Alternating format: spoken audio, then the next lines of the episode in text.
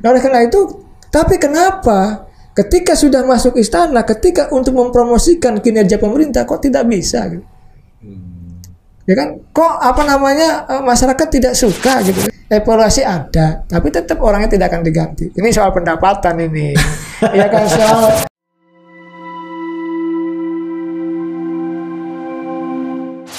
Kang, Hmm. Siap. soal aspirasi yang tersumbat tadi apakah Ya. Eh, murni karena pemerintah tidak mau mendengar atau karena kadang eh, mungkin bisa jadi faktor lain misalkan pola atau gaya komunikasi publik eh, pemerintah pada eh, masyarakat kepada rakyat gitu kan yang tidak efektif atau bagaimana gitu kan. Karena kita juga tidak bisa eh, menutup mata dengan faktor itu gitu kan. Artinya begini, eh, katakanlah misalkan dalam konteks undang-undang eh, cipta kerja, saya tidak mau terjebak pada soal ini saya mendukung atau tidak gitu kan. Tapi saya juga melihat sisi lain misalkan bahwa pemerintah juga punya itikat baik di di di undang-undang itu gitu kan. Setidaknya versi pemerintah kan. Hmm. Hanya saja mungkin yang diterima atau didengar apa yang didapatkan informasi oleh masyarakat yang negatif-negatifnya saja gitu kan gitu Hmm. karena itu lebih masif disuarakan kan seperti itu Ya, sementara ya. pemerintah Ah. eh kesulitan dalam tanda kutip itu bahkan blunder komunikasinya kan gitu Ya. apakah misalkan oh, faktor itu juga eh, menjadi tanda kutip begitu kan menjadi tanda kutip eh, tingkat ketidakpercayaan eh, rakyat yang tinggi terhadap eh, pemerintah saat ini begitu kan Ya ini problem komunikasi di istana itu. Dan itu diakui sendiri oleh Pak Jokowi. ya Sehingga apa? Sehingga Pak Muldoko kemarin mengatakan juru bicara ya kan presiden dan lain-lain yang dari KSP itu kan tidak mewakili gitu. istana. Bayangkan ada jubirnya, ada tenaga ahli utamanya, tapi ucapannya tidak mewakili apa yang dilakukan oleh istana. Iya, ini iya, iya. problem. Jadi kalau menurut hemat saya ini sayang sekali ya. Kalau komunikasi publik istana kepada publik ya kepada masyarakat tidak jalan. Kenapa? Institusi sebesar negara ini, sebesar pemerintah ini ya, eksekutif ini, kalau komunikasinya buruk, ini kita sangat saya tidak tidak tidak ingin eh, apa mendengar seperti itu. kalau menurut Akang kendala terbesarnya apa sih kok pemerintah eh, pemerintahan Jok- Pak Jokowi di periode kedua ini kok seperti dalam tanda kutip kesulitan berkomunikasi dengan eh, rakyat dengan masyarakat gitu kan. Ya itu tadi ya kita bilang apa eh, komunikasi publiknya justru banyak yang blunder begitu kan menimbulkan polemik-polemik baru begitu kan. Nah kira-kira apa sih gitu? Hambatannya itu apa kalau menurut Kang Ujang ini? Saya melihat masing-masing main masing-masing. Oke Itu yang menjadi persoalan. ada ego mungkin Ada ego masing-masing. Jadi KSP-nya ya main masing-masing. Hmm. Di istananya juru bicaranya main masing-masing. Ya, setnegnya masing- masing-masing ya kan. tidak terkoordinasi Tidak- dengan baik Dengan baik. Yang ini membuat Pak Jokowi stres, pusing. Dan pernah suatu saat saya dapat bocoran dari istana juga mengumpulkan mereka semua. oke Tim komunikasi publik Tim istana komunikasi. itu semua. Hmm. Dan mengakui tidak jalan. oke oke oke Dan itu bocoran langsung dari pihak istana. Jadi kan kita sangat ti- eh, sayangkan gitu ya. Oleh karena itu ya eh, ap- eh, itu dievaluasi total. oke Ya persoalannya kan nggak mungkin mereka diganti. Akan hilang pekerjaan juga gitu kan. Jubir gitu ya kan. Dia pejabat ya kan lalu Iya, iya, gajinya iya, juga besar lalu eh, misalkan eh, diganti Hmm. pasti di, di, di- apa tidak difungsikan. Ada posisinya tapi tidak akan difungsikan seperti sekarang ini. Tidak mewakili apa yang dikatakan oleh istana. Hmm. Kan lucu. iya iya kan aneh. Nah, oleh karena itu kalau menurut hemat saya lah ya bukan berarti mereka itu orang bodoh, tidak. Mereka orang pandai. Iya. Mereka orang hebat, mereka aktivis dari semenjak mahasiswa. Hmm. Mereka menjadi jubir itu dari perjalanan panjang ya kan Iya, dalam iya. konteks eh, berjuang di politik di pentas nasional gitu kan. Hmm. Nah, oleh karena itu tapi kenapa ketika sudah masuk istana ketika untuk mempromosikan kinerja pemerintah kok tidak bisa gitu.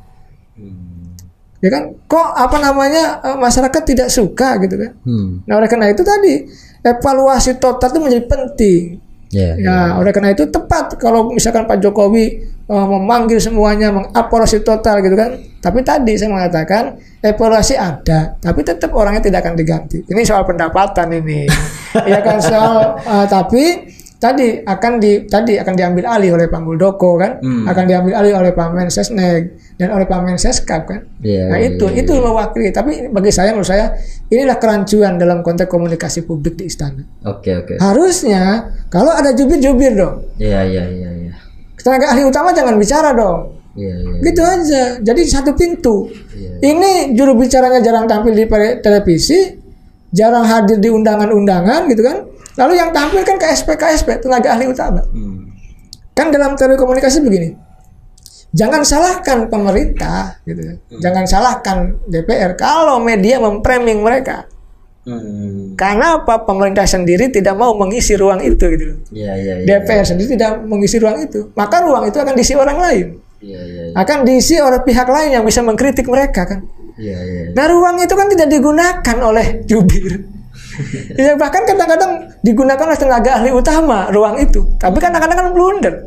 Kadang-kadang tidak sesuai dengan keinginan Pak Jokowi. Hmm. Ya ini problem gitu loh. Iya. Yang disatukan namun saya disinergikan bersama-sama agar apa? Agar satu irama, satu gerakan, satu tarian gitu apa sehingga apa? Sehingga apa yang disampaikan oleh Pak Jokowi langsung tersampaikan ke publik. Hmm. Itu kan baru keren gitu. Iya, Itu iya. baru pemerintahan yang handal bagi saya begitu. Selain itu mungkin faktor ini juga Kang, apa Ya. saluran komunikasi publik eh, pemerintah misalkan dalam mengkomunikasikan program-programnya, dalam mensosialisasikan kebijakan-kebijakannya itu saluran komunikasi publiknya dalam hal ini misalkan di sosial media itu kan cenderung dikuasai oleh kelompok eh, oposisi gitu kan, kelompok Ah. oposisi.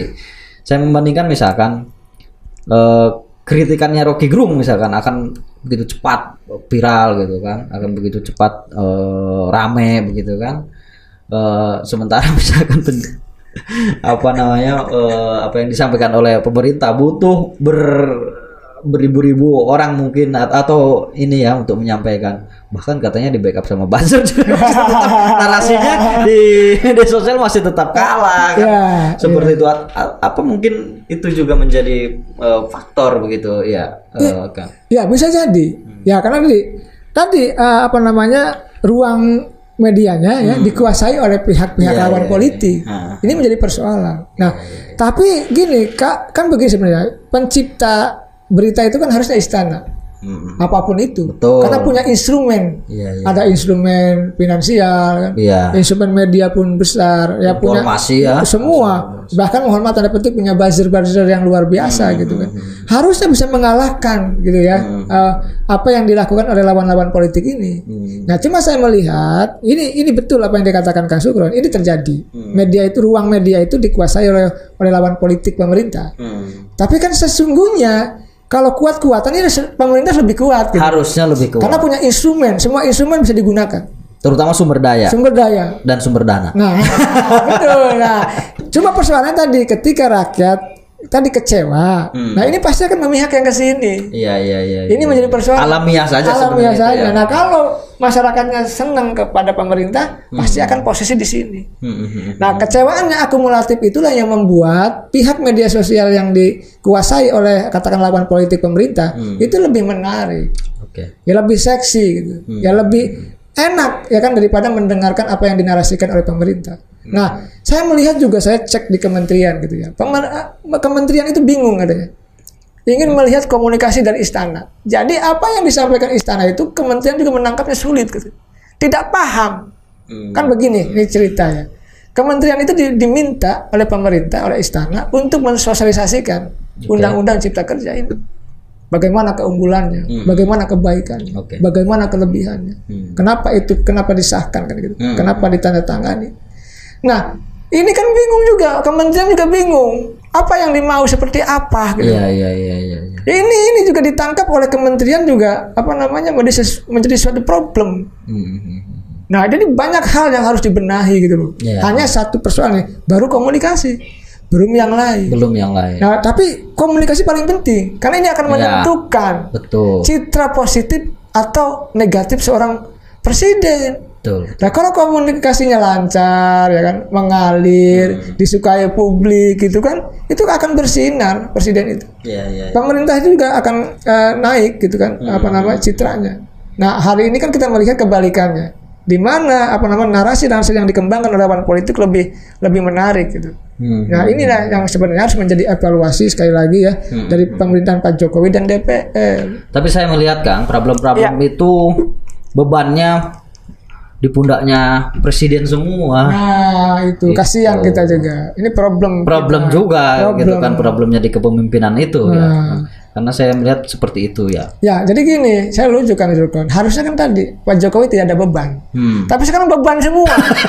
iya, misal beban relawannya belum jadi komisaris. Iya iya iya. Beban pada politiknya ada yang belum jadi wamen, ya kan? Iya. Eh, ini beban semua. Beban misalkan persoalan tadi polarisasi munculnya Semua itu dibebankan ke pundaknya presiden, kan. presiden. Ini Nah, presiden. partai politiknya main masing-masing. Hmm. Persiapan pemilu nanti. Para Wah, pembantu presidennya punya visi masing-masing. masing-masing harusnya bahkan saya tadi dapat bocoran juga para menteri itu su- sudah ada yang mendatangi Pak Jokowi Pak Jokowi saya siap membackup Pak Jokowi sampai empat tahun ke depan kita tidak akan persiapan pemilu udah sudah ada Hmm. karena menteri yang lain sudah berjalan gitu sudah bergerilya untuk persiapan pilpres bayangkan Hmm. Artinya ini sudah tidak kondusif. Nah, tapi saya saya punya keyakinan irama ini ya harus disinergikan, disatukan ya kan. Agar apa? Agar mereka yang mau nyapres ya silakan. Ya, tapi ya, ya. kinerjanya tetap dong harus bagus. Kinerja harus bagus. Komunikasi ke publiknya harus jalan. Iya, iya, iya. Promosi. Pemerintahnya harus kuat. Nah, Kan kira-kira seperti itu ya. tadi Kang Suar, pemerintah itu harus kuat. Saya bilang tadi kita butuh pemerintah yang kuat. Hmm. Tapi di saat yang sama kita butuh oposisi yang tangguh. Ya. Ada ada check and balances, Betul, ada, ada kontrol. setuju. Itu yang sebenarnya berdemokrasi yang indah gitu. loh. Hmm, Agar tidak melahirkan tadi oposisi-oposisi jalanan itu. Hmm. Agar fenomena Habib Rizik ini tidak tidak meluas. Hmm. Nah, kalau oh, tadi eh, pemerintahnya lemah ya, DPR-nya lemah, yang akan kuat tadi Ya, ya. parlemen jalanan ada ini bahaya dalam konteks demokrasi. Saya melihat pemerintah juga babak belur nanti menghadapi apa namanya eh, figur apa namanya oposisi jalanan yang semakin menguat ini ya. Nah, ya. ya ini baru satu figur. Iya. Bagaimana kalau ini terkonsolidasi dengan baik? Hmm. Bagaimana ini kalau menyerang ke daerah-daerah? Ini kan sudah akan terjadi nih. Tapi sekarang kan mulai di stop ini oleh pemerintah. Iya, iya. Ruang geraknya sudah mulai ditutup. Sudah mulai pemanggilan-pemanggilan kepolisian dan lain sebagainya. Saya melihat apa? Agar oposisi jalanan itu tidak besar. Iya, iya. Nah, ini kan sangat disayangkan. Eh, menguatnya oposisi jalanan lalu kan tadi tanda petik menggunakan aparat ya kan tentara kan Hmm. yang sesungguhnya tidak perlu kan. Ini kan artinya apa? Ini pemerintah agak mulai kewalahan gitu.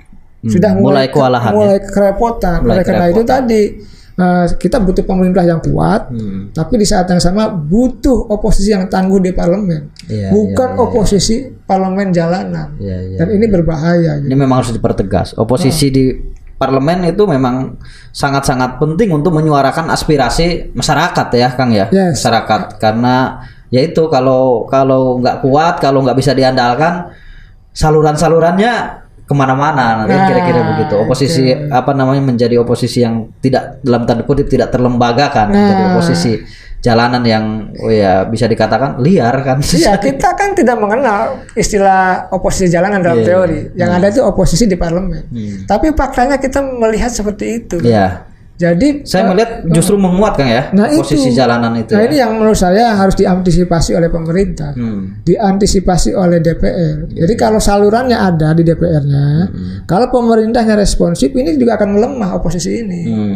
Jadi kalau rakyatnya sejahtera, rakyatnya terayomi, baik oleh pemerintah maupun oleh DPR, maka kekuatan oposisi parlemen juga akan mengecil. Iya, iya, iya. Karena sudah ditanggung semua loh oleh pemerintah. Oleh direspon semua loh oleh DPR. Iya, iya. Jadi tidak ada lagi tidak ada alasan rakyat untuk mencari figur lain. Hmm. Tidak ada alasan rakyat untuk mencari tokoh-tokoh lain untuk menyuarakan itu gitu loh. Hmm. Hari ini kan begitu, rakyat kecewa terhadap eh, apa DPR dan Iya. pemerintah cari figur lain. Betul. Cari simbol yang bisa tanda petik menjadi eh, pengkritik atau perlawanan terhadap pemerintah di luar parlemen itu. Hmm. Nah, ini sebenarnya kita sangat sa- sayangkan. Tapi inilah fenomena politik kita. Iya. Nah, yang paling penting Kang Supran yang harus kita jaga tadi ya. Hmm. Dalam demokrasi itu harus bisa mengelola perbedaan. Oke. Jadi sekencang Ini apa? faktanya sudah terjadi, ya kan? Apa namanya posisi jalanan menguat atau apa? Nah, Nah, nah perbedaan ini harus dikelola dengan baik harus dikelola dengan oleh Pak Jokowi. Oke. Jadi di manage dengan baik. Jadi tidak tidak main gebuk juga. Jadi ada jangan main gebuk ya. jangan main gebuk juga. Jadi ada saluran-saluran demokrasi, Oke. ada institusi-institusi demokrasi yang mudah disalurkan oleh rakyat. Makanya tadi DPR-nya harus responsif. Hmm. Pemerintah juga harus mengayomi. Nah ini penting. Iya, itu itu nah oleh karena itu demokrasi tadi ya yang berjalan gitu ya seolah-olah berjalan tapi prosedural Hmm. tidak substansial. Iya, iya. Jadi demokrasi yang mengataskan rakyat tapi rakyatnya dibelakangi. Ya ini yang menjadi problem.